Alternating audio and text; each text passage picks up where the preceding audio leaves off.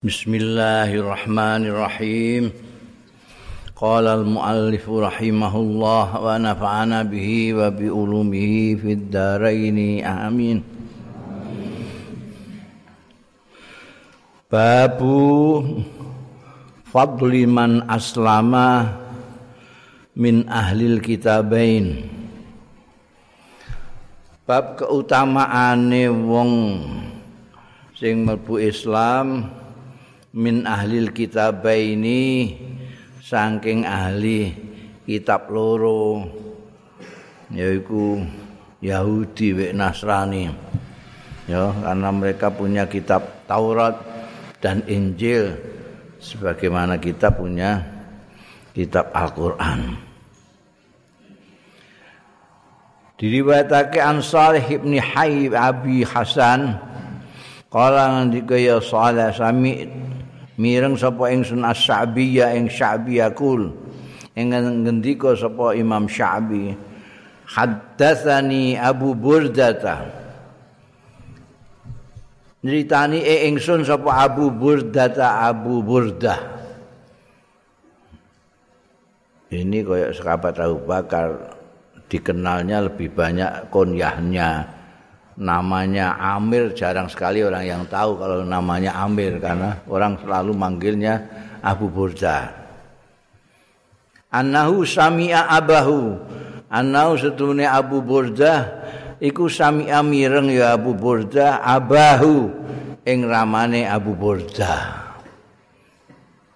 Siapa ramane Abu Burda ini? Abu Burda itu tidak lain adalah putranya Abu Musa al-Ash'ari as-sahabi itu ya Abu Musa al-Ash'ari jadi hadis ini dari Abu Musa al-Ash'ari tapi lewat putranya Abu Burda. Annahu sami'a abahu rahmane Abu Burda radhiyallahu anhu yaqulu ingkang ngendika ya abahu Abu, Abu Musa al-As'ari maksudnya. Kala dawuh sapa Nabi Kanjeng Nabi sallallahu alaihi wasallam. Salah satun ana telu. Iku yuk tauna diparingi ya salasah ajrahum ing ganjarane salasah marrataini ambal kaping pindho. Ada apa? Jenis tiga orang. Tiga kelompok. Tiga hamba yang diberi ganjaran loro. Yang pertama ar-rajulu. Wong lanang. Satu ini jenis yang di, diberi pahala dua. Tidak hanya melakukan orang biasanya melakukan sesuatu itu ya dikasih pahala sesuai dengan perilakunya itu. Tapi ada yang sekaligus dua. Pertama ar-rajulu wong lanang takunu kang ana lahu kedue rajul apa al-amatu budak wedon. Fayu allimuha mongko mulang sapa rajul ha ing amat fayuh sinu mongko bagusake ya rajul taklimaha ing anggone mulang amat wa yu'addibuha lan didik sapa rajul ha ing amat fayuh sinu mongko matutake bagusake sapa rajul adaba ing adabe amat dididik sehingga beradab. Summa yu'tikuha. Mongko keri-keri merdik kakno ya rajul ha ing amat bar di merdekakno fayatazawwajuha. Mongko ngawini sapa rajul ha ing amat falahu mongko iku kedue rajul ajroni utawi ganjaran loro Andalu. Ya, budak itu zaman biyen koyok barang gitu diperjualbelikan. Jadi mereka biasanya ya tidak terdidik, tidak harus segala macam lah ya. Yang koyok diperlakukan seperti hewan zaman dulu itu. Nah ini ada orang punya budak diulang, dididik, setelah baik, setelah pinter, setelah terdidik, dimerdekakan. Setelah merdeka digawini. Oh, dadekno bojone. Ini ganjarannya loro. Ganjaran memerdekakan budak.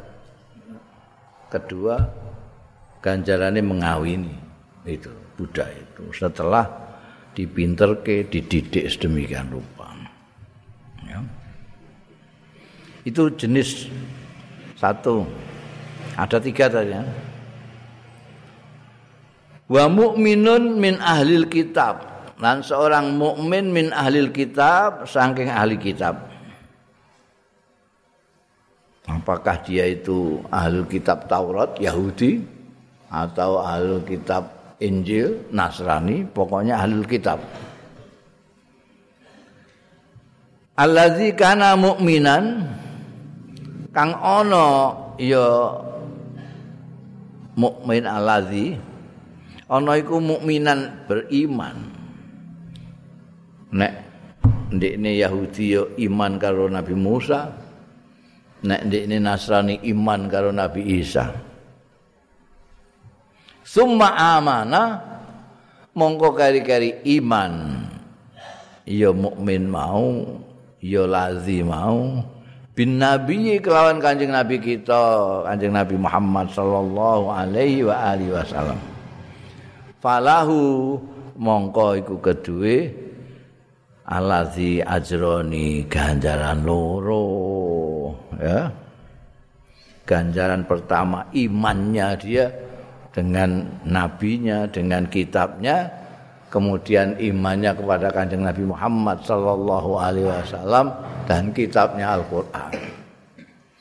Ya kan sebetulnya kan Gusti Allah Ta'ala itu ngutus utusan itu berdasarkan kondisi manusia. Jadi manusia itu asalnya biyen ning bumi iki ditunggoni karo nabi Nabi Adam. Maka mereka terdidik bagus-bagus. Tapi manusia itu bagus, bagus, bagus, terus rada elek terus elek elek elek elek wali asale mau ditunggoni jadi gak gak gak iso lali lali sithik dielingno lali sithik suwe-suwe terus tekan putu wis rada ora ilingan itu. Buyut tambah nemen meneh. Canggah wareng tambah railing blas. Nah, itu saking apa api Gusti Allah ning gone makhluke sing jenenge manusa iku ketika orang itu sudah dalam kondisi banyak yang lupa, banyak yang lalai ngirim utusan. Utusan iki sing ngapikno. Jadi terus begitu. Kayak Nabi Nuh itu ya ono ya ini memperbaiki masyarakatnya itu mau untuk uang pitung puluhan waktu sing numpak kapal itu. Berat, tapi orang 70 ini kan apik kabeh. Mereka adalah orang-orang yang beriman kabeh. Masuk di bakterane Nabi Nuh dan ini nanti karena yang lain sudah dia apa namanya kena banjir semua tinggal orang-orang yang menyertai Nabi Nuh di dalam bahtera itu. Dan ini nanti yang jadi manusia, jadi Adam kedua yang apa e, melahirkan orang-orang ini. Nah itu wong, wong iman kabeh, Nabi Nuh dan pesertanya yang ikut kapal itu iman kabeh, apik. Anake wis apik-apik, putune wis rada ora pati apik. Buyute mulai lari. Terus ngono iku. Terus akhirnya wah sing lali luwih akeh timbangane sing eling. Diutus nek utusan terus ngono terus. Nanti kanjeng Nabi Muhammad Sallallahu Alaihi Wasallam. Karena itu misinya sama. Misinya Nabi-Nabi itu sejak Nabi Adam sampai Nabi Muhammad Sallallahu Alaihi Wasallam itu satu, yaitu Islam. Islam itu apa? Mentauhidkan hanya menyembah Allah Subhanahu wa taala. Nabi-nabi ada yang istimewa dikasih kitab seperti Nabi Musa, Nabi Isa, Kanjeng Nabi Muhammad sallallahu alaihi wasallam. Nah, mestine karena ini sama, yang berbeda cuma syariatnya karena sesuai dengan zamannya. Jadi prinsipnya sama. La ilaha illallah itu prinsip mulai zaman Nabi Adam. Syariatnya aja yang beda aturan-aturan yang disesuaikan dengan kondisinya, zamannya. Maka mestinya orang yang beriman kepada Nabi Musa ya harusnya percaya dengan Nabi Isa. Bodoh kok ini maknya. Kitabnya Taurat sampai Injil tidak banyak beda. Beda kalau persoalan itu persoalan syariat aja. Nah, anu ini podo kabeh. Akidah sama. Maka seharusnya pengikutnya Nabi Isa percaya kepada pengikutnya Nabi Musa.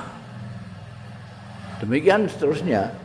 Umat kanjeng Nabi Muhammad Sallallahu Alaihi Wasallam mempercayai Nabi Musa dan Tauratnya, mempercayai Nabi Isa dan kitab Injilnya.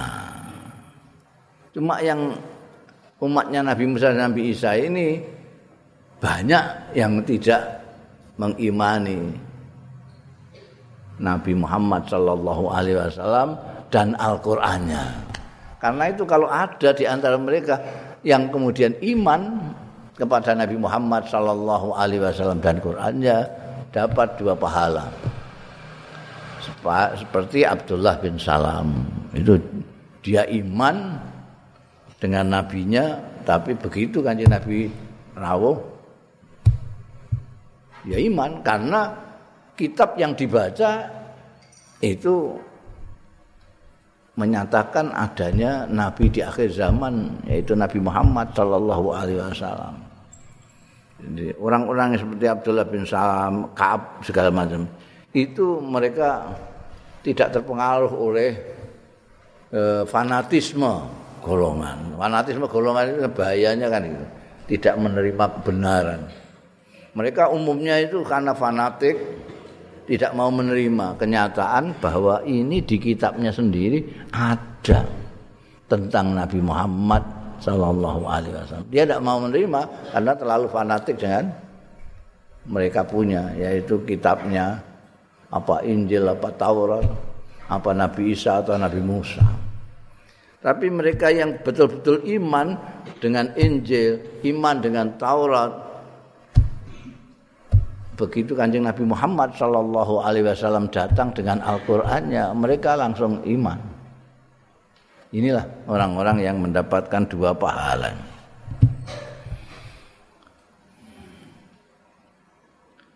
Yang terakhir tiga orang tadi ya, tiga jenis manusia yang mendapatkan pahala dua. Yang terakhir wal abdu. Kawula alladzi yuaddi haqqallah. Budak nek mau sing nomor siji mau bendoro duwe budak wedok dididik sampai pinter, sampai terdidik, terus dikawini. Dapat dua. Sekarang ini budak. Wal abdulan budak alladzi yuaddi haqqallah. sing menunaikan nekake ya lazi haqqallahi ing hae Gusti Allah. Yaitu menyembah manut imtisalul awamiri wajtinabu nawahihi. Itu namanya melaksanakan menunaikan hak Allah. Tapi juga wayan sahu li sayyidihi lan berbuat baik ya abad lazi abad li sayyidihi marang bendarane abad. Lahu mongko iku ketuwe abad ajroni ganjaran loro.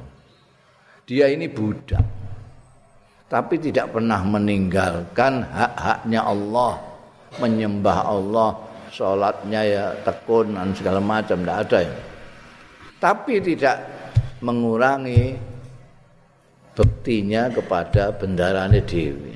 Dia taat dengan bendarane, kongkon apa mangkat segala macam. Tapi dia tidak sampai juga apa namanya menghilangkan kepatuhannya kepada Allah Subhanahu wa taala. Dia dapat pahala. Yang pertama pahalanya ibadah karo Gusti Allah itu ya. Salat, poso sak dilaksanakan. Tapi dia juga taat bekti dengan bendaranya. Jadi dapat ganjaran nul, ganjaran yang melaksanakan haknya Allah dan yang kedua melaksanakan fungsinya dia sebagai kawulane sayyide. Babu qatlil jinsil mu'zi Bab mateni jenis sing menyakiti. Menyakiti ana-ana kolok jengking yang menyakiti, ular menyakiti, semut yang menyakiti. An Abi Hurairah ta diriwayatake saking sahabat Abu Hurairah radhiyallahu anhu kala ngendika sapa sahabat Abu Hurairah Sami itu mireng sapa ingsun Rasulullah ing Kanjeng Rasul sallallahu alaihi wasallam tak pireng yaqulu ingkang dawuh sapa Kanjeng Rasul sallallahu alaihi wasallam Qarasat menggigit apa cara Jawa ini menggigit? Hah? Nyokot. Nah. Apa namlatun? Semut. Nek namlun itu jenis semut. Nek namlah itu satu ekor semut. Ana seekor semut nyokot nggigit nabian ing seorang nabi minal ambiyai saking pira nabi. Fa amara perintah sapa nabi semut nyokot manase kaya ngene. Terus perintah sapa nabi mau bikoriatin namli kelawan kampunge semut. Semut itu duwe kampung. Delok ae mereka kalau berbondong-bondong rono rene ke salaman mbek kancane terus mlayu neh mara ning kono iku mara ning kampunge iku. Mereka rame-rame mara ning kampunge ana panganan terus kok kancane rono kan iku ning kono ana panganan ayo jikun mara rene sing kono iku nggawa upo tete ketemu kancane ning kono sing akeh kowe tau memperhatikan semut apa gak kowe gak tahu memperhatikan masyarakat semut itu hal biasa itu. Dia punya Korea juga. Negerinya itu sana semut tok. Ya ana rajane. Perintah. Aku dicokot semut oh kono ngopo nge negeri ini? Fa ukhrikot mongko diobong. Iya koryatun namli. Fa auha mongko paring wahyu sapa Allah Gusti Allah. Ilahi marang nabi mau. Tegese apa wahyune? Ang qarasat kanamlah tegese nyokot ing sira. Sapa apa namlatun seekor semut terus akhrok tang. Kowe kok terus ngobong umatan ing umat minal umami saking umat-umat semut-semut. Tusabbihullah sing padha maca tasbih iya umat Allah ing Gusti Allah taala. Ya. Yung semut siji sing salah kok. Negrine bobong piye kok negrine bobong sing nyokot ku siji wong iku ya ngono ana sing nangkal sing apa jenenge konon ana riwayat nabi iki bertanya-tanya. Dan Gusti Allah memberikan lindu misalnya gempa bumi segala macam itu kok uga sing elek-elek tok sing di eh, uga sing elek-elek tok sing digintes. Ana sing apik barang ana ana sing gak salah barang kok melok kena gitu loh dirasani mek nabi iki ndek ini dhewe dicopot semut sitok ngamuk koto negrine semut diobong kabeh. Ya kowe iki piye? Pak dawuh karo Gusti Allah lewat wahyu kowe iku dicokot mek semut siji. Negrine rakyate mbok obong kabeh ngono iki padahal rakyate iku pakai maca tasbih maca tasbih mek Gusti Allah sing nyokot mok sitok mbok hancurkan kabeh itu piye karepmu Jadi kita mbak boleh ngebiahuyan yang salah siji terus sikat kabeh wong sak kampung ini gak. Ini juga ngobong itu juga nggak boleh. Nah ngobong itu menyiksa dengan membakar itu hanya haknya Allah Taala, yang lain nggak boleh. Mm -mm. Babun. Iki suwijining bab yukrahu den makruhake apa? Tanazu tanazu berkelahi bertikai bertikai. Wal ikhtilaf lan ya ikhtilaf. Sama itu maknane tanazu nek khilaf enggak apa-apa. Ikhtilaf Ilaf itu berbeda pendapat, tidak masalah itu biasa. Karena orang mempunyai pikiran sendiri-sendiri masing-masing. Kono mikir kanan, kini mikir kiri, sana mendur, kini mengisar itu biasa. Ini tidak boleh ikhtilaf itu. Rasulullah bertikai karena gara-gara berbeda pendapat terus tukaran. Ya. Musuhan itu tanazuk tidak boleh. An Sa'id ibn Burdata an abihi saking ramane. An jadi saking simbahe Sa'id. Anna nabi ya setuhune kanjeng nabi sallallahu alaihi wasallam. Iku ba'asa ngutus sapa kanjeng nabi sallallahu alaihi wasallam muadzan ing sahabat muadz bin Jabal wa Aba Musa al-Ash'ari lan Abu Musa al-Ash'ari diutus ilal Yamani marang Yaman. Yaman itu negeri sebelah selatan Jazirah Arab. Jazirah Arab kan bentuk ini.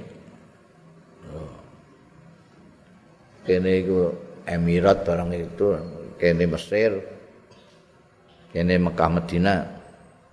Ini Yaman. Hadramaut barang sebelah selatan Jazirah Arab Sahabat Mu'ad bin Jabal dan sahabat Abu Musa al-Asari diutus kanjeng Rasul Sallallahu Alaihi Wasallam untuk dakwah ilal Yamani marang Yaman. Kala terus dipesani dawuh sapa kanjeng Rasul Sallallahu Alaihi Wasallam Yasira wala tu asira gampangno sira loro ya aja ngengel-ngengel. Wala tu asira lan aja ngengel-ngengel sira loro. Wa basyira lan bebungao sira loro. Wala tu nafira lan aja mlayokno sira kabeh. Wa tatawa'a wala tahtarifa sing rukun sira loro wala tahtarifa lan aja sulaya sira loro sekekiran sing rukun ya ini diutus untuk dakwah ke Yaman. Jadi iso mbok cekeli nek kowe kepengin dadi dai, peganglah ini nasihatnya Rasulullah sallallahu alaihi wasallam. Gimana kamu berdakwah? Wes yang gampang, yasira pertama, asira wala tu asira. Pondok. Saudara-saudara, ini agama Islam itu mudah sekali, tidak sulit. Tidak sulit. Karena apa? Karena agama Islam itu perintahnya dikasih embel-embel semampu kita. Jadi kalian sholat belum bisa baca fatihah, ya sholat ambil belajar fatihah, salat apa yang sampean bisa. Kalau sampean bisanya cuma Allahu Akbar, ya baca saja Allahu Akbar, Allahu Akbar tujuh kali. Rukuknya Allahu Akbar lagi. Sampean karena punya sakit pinggang apa-apa nggak bisa berdiri, duduk juga nggak apa-apa, nggak apa-apa. Ngono. Jadi yasir gampang. Ojo kok dadi dai ngengel-ngengel. Ini berat sekali. Kita salah-salah jahanam kita itu. Ini harus perlu diperhatikan ini. wudhu itu harus pas ini. Kalau perlu pakai meteran. Supaya oh, kalau menghadap kiblatnya juga harus persis. Jangan ke sana ke sini persis. Lihat itu apa? Mataharinya di mana, anunya di mana itu. Wah, angelan kabeh, Bang. Wong iku jenenge tasir itu, mempersulit orang, mempersulit. Eh?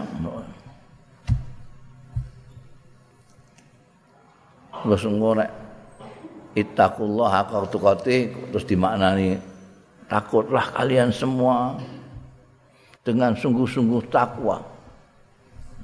Takutlah dengan sungguh-sungguh takut. Wong dadi paranoid kabeh.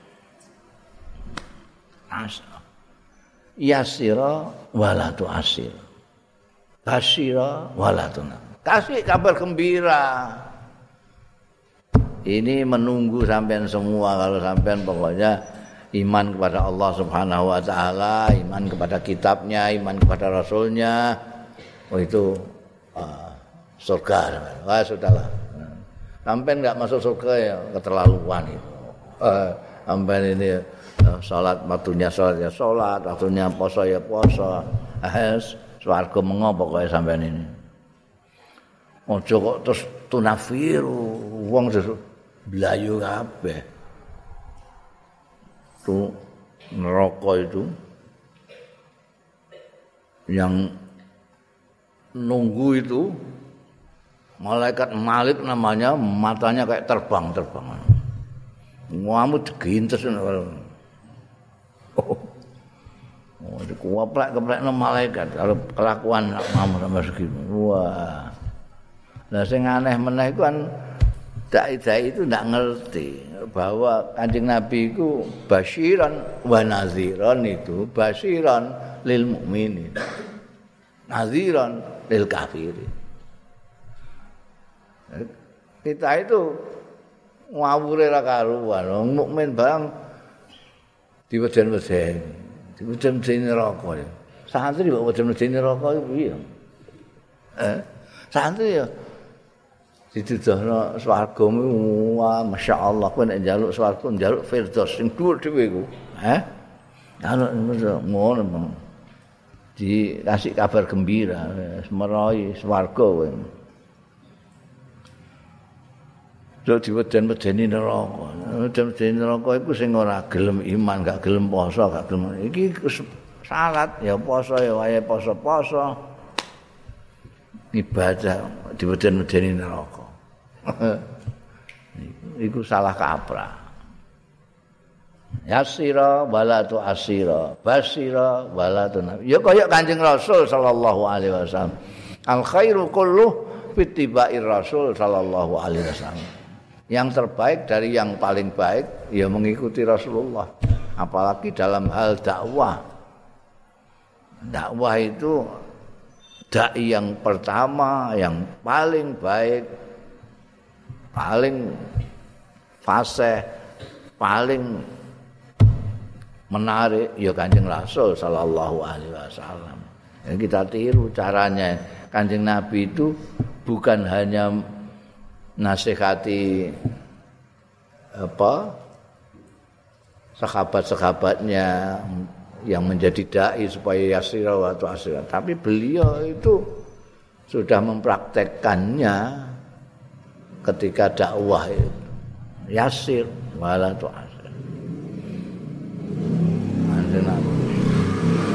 dawuh kaya innad dina yusrun itu kanjeng Nabi dawuh kan.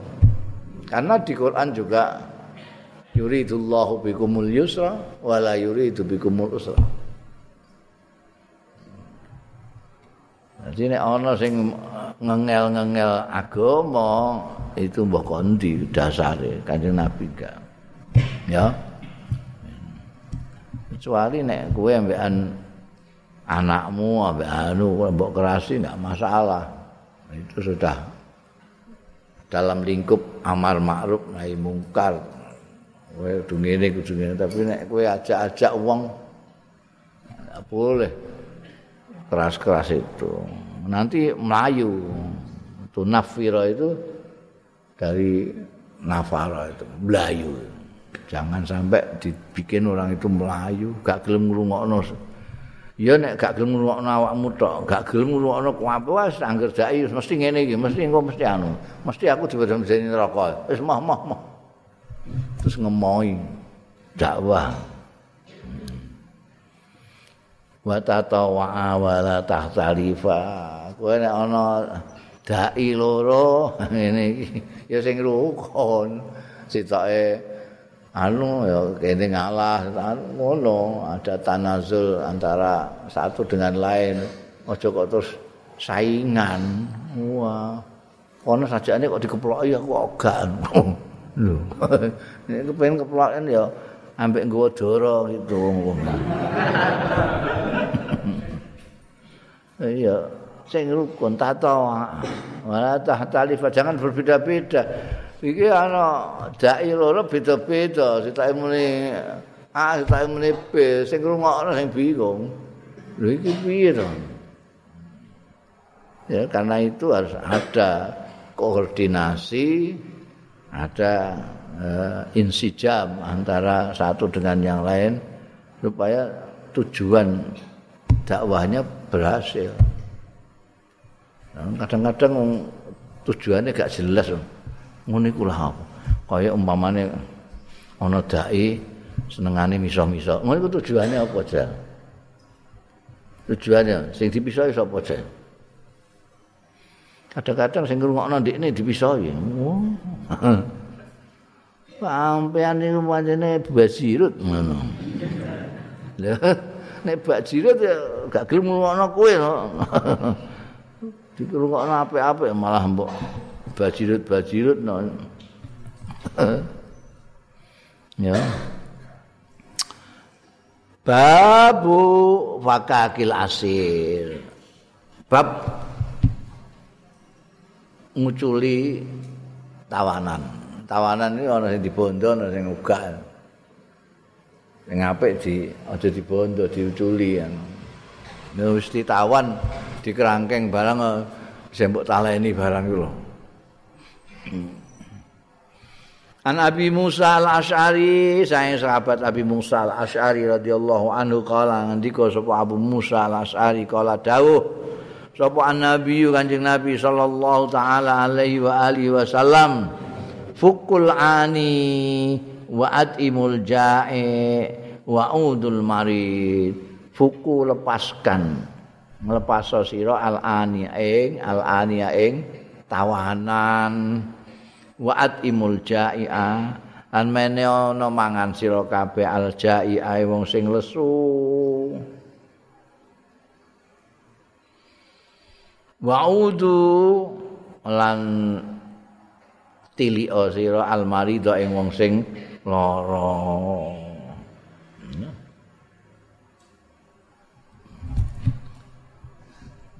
fukul ani Jadi nek ana tawanan ora sambuk bondo wong wis ditawan ae. Eh, wis mbok jero tahanan sembok bondo iki. Penemenen. lepaskan mereka lepaskan. Wa atimul jae. Lan memberi makan orang yang lapar wenehi mangan. Wa udul marid lan apa jenenge? Tilik wong sing lara.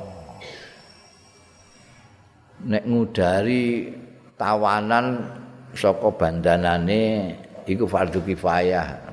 Ahli-ahli fikih mengambil dari sini itu fardu kifayah. Memberi makan orang yang lapar fardu kifayah. Fardu kalian nek tilik wong loro iku sunnah muakkadah. Jadi ada tiga hukum dari hadis ini. Yang pertama melepaskan tawanan dari bandanane itu fardu kifayah memberi makan orang. Artinya kalau sudah ada yang melepaskan ya sudah kamu bebas. Kalau sudah ada yang memberi makan kamu bebas. Tapi kalau ana wong lesu kok gak ana sing makani blas dosa kabeh. Sak kampung dosa kabeh. Ana wong lesu kok gak makan. Nek tilik wong loro iki sunnah muakkad. Kenapa? Mergo Kanjeng Rasul sallallahu alaihi wasallam hampir tidak pernah tidak tilik wong loro. Kanjeng Nabi kalau kumpul-kumpul dengan sahabatnya gini biasanya terus ditanya yang biasa ketok kok gak ketok. Oh ini di mana ya? Umar bin Khattab di mana kok kelihatan? Oh sedang anu anjing Nabi sedang mapak dagangannya baru datang dari Syam. Oh iya ya, ayo didongak no. Gomko untuk badiak. Boleh. Nah ini saat di mana sakit aja. Oh sakit. Ayo ayo tilii tilii. Itu aja Nabi itu. Perhatiannya pada umatnya memang luar biasa. Sehingga tilik orang sakit itu sunnah muakkadah. Babul ghulul wa qaulillahi ta'ala wa ma yaghlul ya'ti bima ghalla yaumal qiyamah. Ulul nyelindut. Lindut itu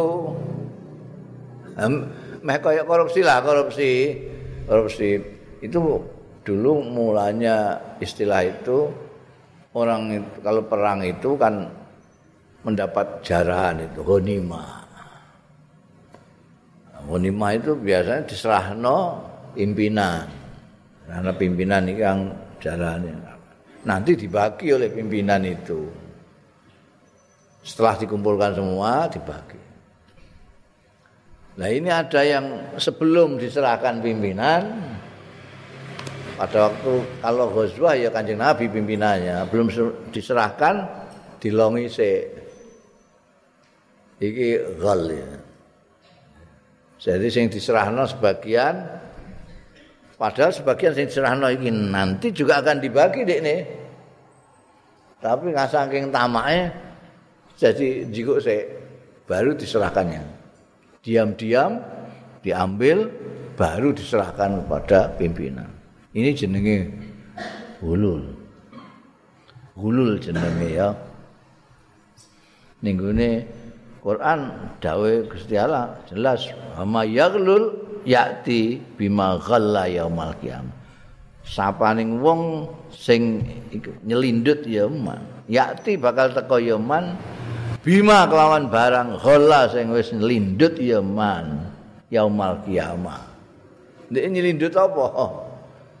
Ora nyelindut pedang, nang pedange itu genteong ning gone gulune. apa sing sing di apa sing diselindut itu nanti akan ketok dadi wong dora kabeh oh iki biyen nyelindut nanti kan intinya kan sing roh oh ini diam-diam kok diam-diam oh iki ana anu apik sabuk emas anune. Terus di dhewe. Gak sing roh. Nanti ketahuan ada hari kiamat. Oh iki biyen ghalla iki. Ngono ya. An Abi Hurairah ta diwetake sahabat Abu Hurairah radhiyallahu taala anhu. Kala ngendika sapa Abu Hurairah Koman nabiyu jumeneng sapa Kanjeng Nabi sallallahu alaihi wasallam fadzakara mongko nutur ya Kanjeng Rasul sallallahu alaihi wasallam al-ghulula ing gulul Jadi Mereka mau lah nyelindut kianat di dalam persoalan ghanimah. Asal usulnya gulul itu gitu. Nah ini bisa mbok artekno korupsi bareng ya. Tapi ini, ini bahasa modern itu korupsi itu bahasa Arabnya lebih elek Korupsi itu bahasa Arabnya fasad, fasad. Karena korupsi itu bukan hanya kejahatan sepele tapi merusak. merusak. Mulanya orang Arab menggunakan kata fasad untuk korupsi. Karena merusak. Mestinya bikin jalan itu atau miliar. Terus diselindut. Diselindut 500 juta. Yang ditanjak nanggun ganti jalan mau 500 juta. Ya mesti aja kualitasnya tidak sebaik yang ini satu miliar tadi. Terus lagi orang dino rusak jalan. Ono nasi ngeluh nemen meneh. Mestinya sekian juta untuk membangun sekolah, tapi dilongi ngelong ini apa jenis berjamaah. Ngopusat itu 500 juta eh, tekan provinsi kayak 300 juta tekan kabupaten kayak 200 juta kan kecamatan kayak 1 juta.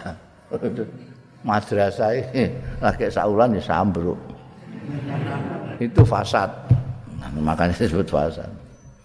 Nah ini hulul pancen aslinya dari mengkhianati ghanimah untuk kepentingan diri sendiri. Tapi kanjeng Nabi ketika nutur hulul fa'azzamahu nganggep gede sebab kanjeng Nabi sallallahu alaihi wasallam hu ing hulul wa azzama amrahu lan nganggep gede sapa kanjeng Nabi sallallahu alaihi wasallam amrahu ing urusane hulul ini bukan perkara cilik hulul itu perkara gedhe. Kala dawuh sapa Kanjeng Nabi sallallahu alaihi wasallam, la ulfiyanna ahadakum. Nekti ditemoni tenan sapa ahadakum ing salah siji ro kabeh yaumul kiamah. Ala rokobati ing atase gulune ahadukum apa satun. Pedus. laha kang iku duwe satun suhaun utawi embek apa suarane suarane pedus embek suha itu suarane pedus apa? Terus jawabannya apa? Gak, ngerti apa gak ono bahasa. Embik ini bahasanya ya embik jadi karena dulu waktu ada ghanimah itu sebelum diserahkan ini wis njikuk wedhus saya. Ghanimah kan jaran jaran punya musuh itu. Ketika musuh kalah belayu ngeditir semua dijuara kabeh. Nah ini jaran ini mestinya diserahno pimpinan. Nanti akan dibagi oleh pimpinan ini. Ndak ini juga wedhus saya liyane agak di apa diserahno ning gone impinan iku engko ning gone kono ning gulune iki ana wedhuse gantung bayang lho iku. Eh dikalungi kalungan pedhus. Be be wong ora biyen nyelindut iki. Eh ala raqabihi farasun lau hamhama. Ana sing ning gone gulune iku ana farasun. Jaran. Nyelindut jaran mau jaran mengi. Lahu iku duwe faros hamhamatun utawi bengingeh bengingeh iku suarane jaran ngono iku. Masa. Ya kulo ngucap sapa hadukum mergo ganduli wedhus sing ngembak-ngembak diganduli jaran sing bengi terus ana kanjeng nabi ya kulo ngucap sapa hadukum ya rasulullah duh kanjeng rasul aghisni kula aturi nulungi jenengan ing kula yen tulungi niki ya Allah Menten gede ini kok digandul no gulun sepundi. Fa'akulu. Engko dawuh sapa ingsun lahu marang akadukum sing diganduli wedhus utawa jaran iku mau. La amliku la kaminallahi syai'an. Aku gak iso apa. La amliku la miliki. ora ndarbeni ingsun laka kanggo sira minallahi saking Gusti Allah. Ora ndarbeni saean ing apa-apa. Soalé kot ablaghtuka teman-teman wis nyampekno sapa ingsun ing sira. Kaisa biyen wis tak kandhani kowe. Wis tak kandhani mben iku iki kados iki kan dawuh Kanjeng Nabi ya. Biyen tak kandhani aja nylindut nek nylindut engko bakale nek dina kiamat engko kowe diganduli apa sing mbok slindut kuwi. Nek kowe nylindut wedhus engko kowe diganduli wedhus jaran-jaran. Saiki aku ora iso apa-apa aku wis nyampe nembek kowe ndak mbok rumakno aku saiki gak iso apa-apa. La amri kula kaminallahi syai'an. Wa ala rukbatihi ba'irun. Ani kowe ngatasé gulune akadukum ba'irun. Utawi unta. Ana nyelindut ke unta ngandani ya Allah. Lho kemenangan kayak ning gone Khaibar kayak ning anu iku luar biasa. Sak benteng itu dadi jarane kabeh, dadi ghanimah kabeh. Orang kan ora merhatekno iku ngumpulno ana sing diserahno, ngumpulno ana sing mbadani nyelindut iku mau. Nyelindut kok ontong. Lahu rughaun iku kedue bae rughaun tawi suarane unta mengingeh Ya kulo ngucap sapa hadukum ya Rasulullah. Duh Kanjeng Rasul. Aghisni mugi nulungi panjenengan ing kula. Fa aku mongko jawab sapa ingsun la amliku laka syai'an. Aku ora miliki laka kanggo awakmu syai'an ing apa-apa. Wong kot ablaghtuka teman-teman wis nyampe no sapa ingsun ing sira. Ya. Jadi semua itu yang ning gone gurune ana gandul-gandulane. Bekas tuh jelindut itu udah jaluk tulung kanjeng Rasul Sallallahu Alaihi Wasallam. Kanjeng tidak bisa berbuat apa-apa. Saya tidak bisa berbuat apa-apa saya sudah memberitahu kalian sudah memberitahu bahwa ini gak oleh. Ya. Wa ala raqabatihi lan ing atase gulune akadukum ana sing samitun samitun iku raja brana mas perak dia itu ndak bicara ndak apa menang tapi regane akeh hmm, suami itu emas emas-masan perak sapi turut itu. Wah pirang-pirang itu Masya Allah Mas-masan nek kalung siji ngono gak apa-apa. Mas monake sing diselindut. Fayaku lumangka ngucap sapa akadukum, ya Rasulullah duh Kanjeng Rasul, aghisni mugi nulungi panjenengan ing kula pak aku lumangka jawab sapa ingsun la amliku lakasayan aku wis ora isa miliki apa-apa laka kanggo sira saean ing apa-apa kot ablak tuka mongko teman-teman wis nyampekno sapa ingsun ing sira.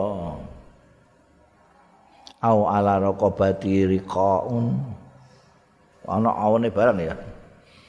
To ing atase raqabati ing atase gulu nek akadukum riqaun kain-kain sing tahfiku sing berkibar oh, berkibar apa bahasa Jawa ini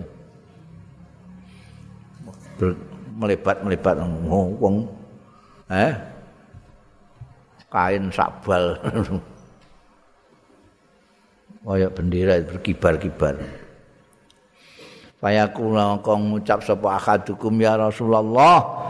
Duh Kanjeng Rasul aghisni mugi nulungi panjenengan ing kula. Fa aku tetep aku ngucap la amliku aku ora miliki sapa ingsun ora miliki sapa ingsun laka kanggo sira saean ing apa-apa kot ablak tuka teman-teman wis nyampekno sapa ingsun ing sira.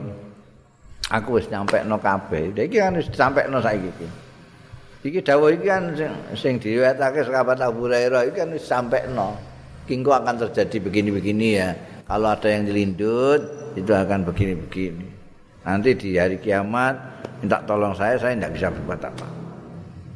Kalau kejadian betul seperti ini, Ya kanjeng Nabi ngarek ngendika la amliku laka sayan qad ablagtuka. Aku wis nyampe ning ngene sira. Kowe ora antu jadi kanjeng Nabi itu nanti kalau yang sudah disampaikan kepada Allah ini nanti kok di sana ternyata tidak ditaati kemudian di sana diazab seperti itu kanji Nabi. Jawabnya lah amriku.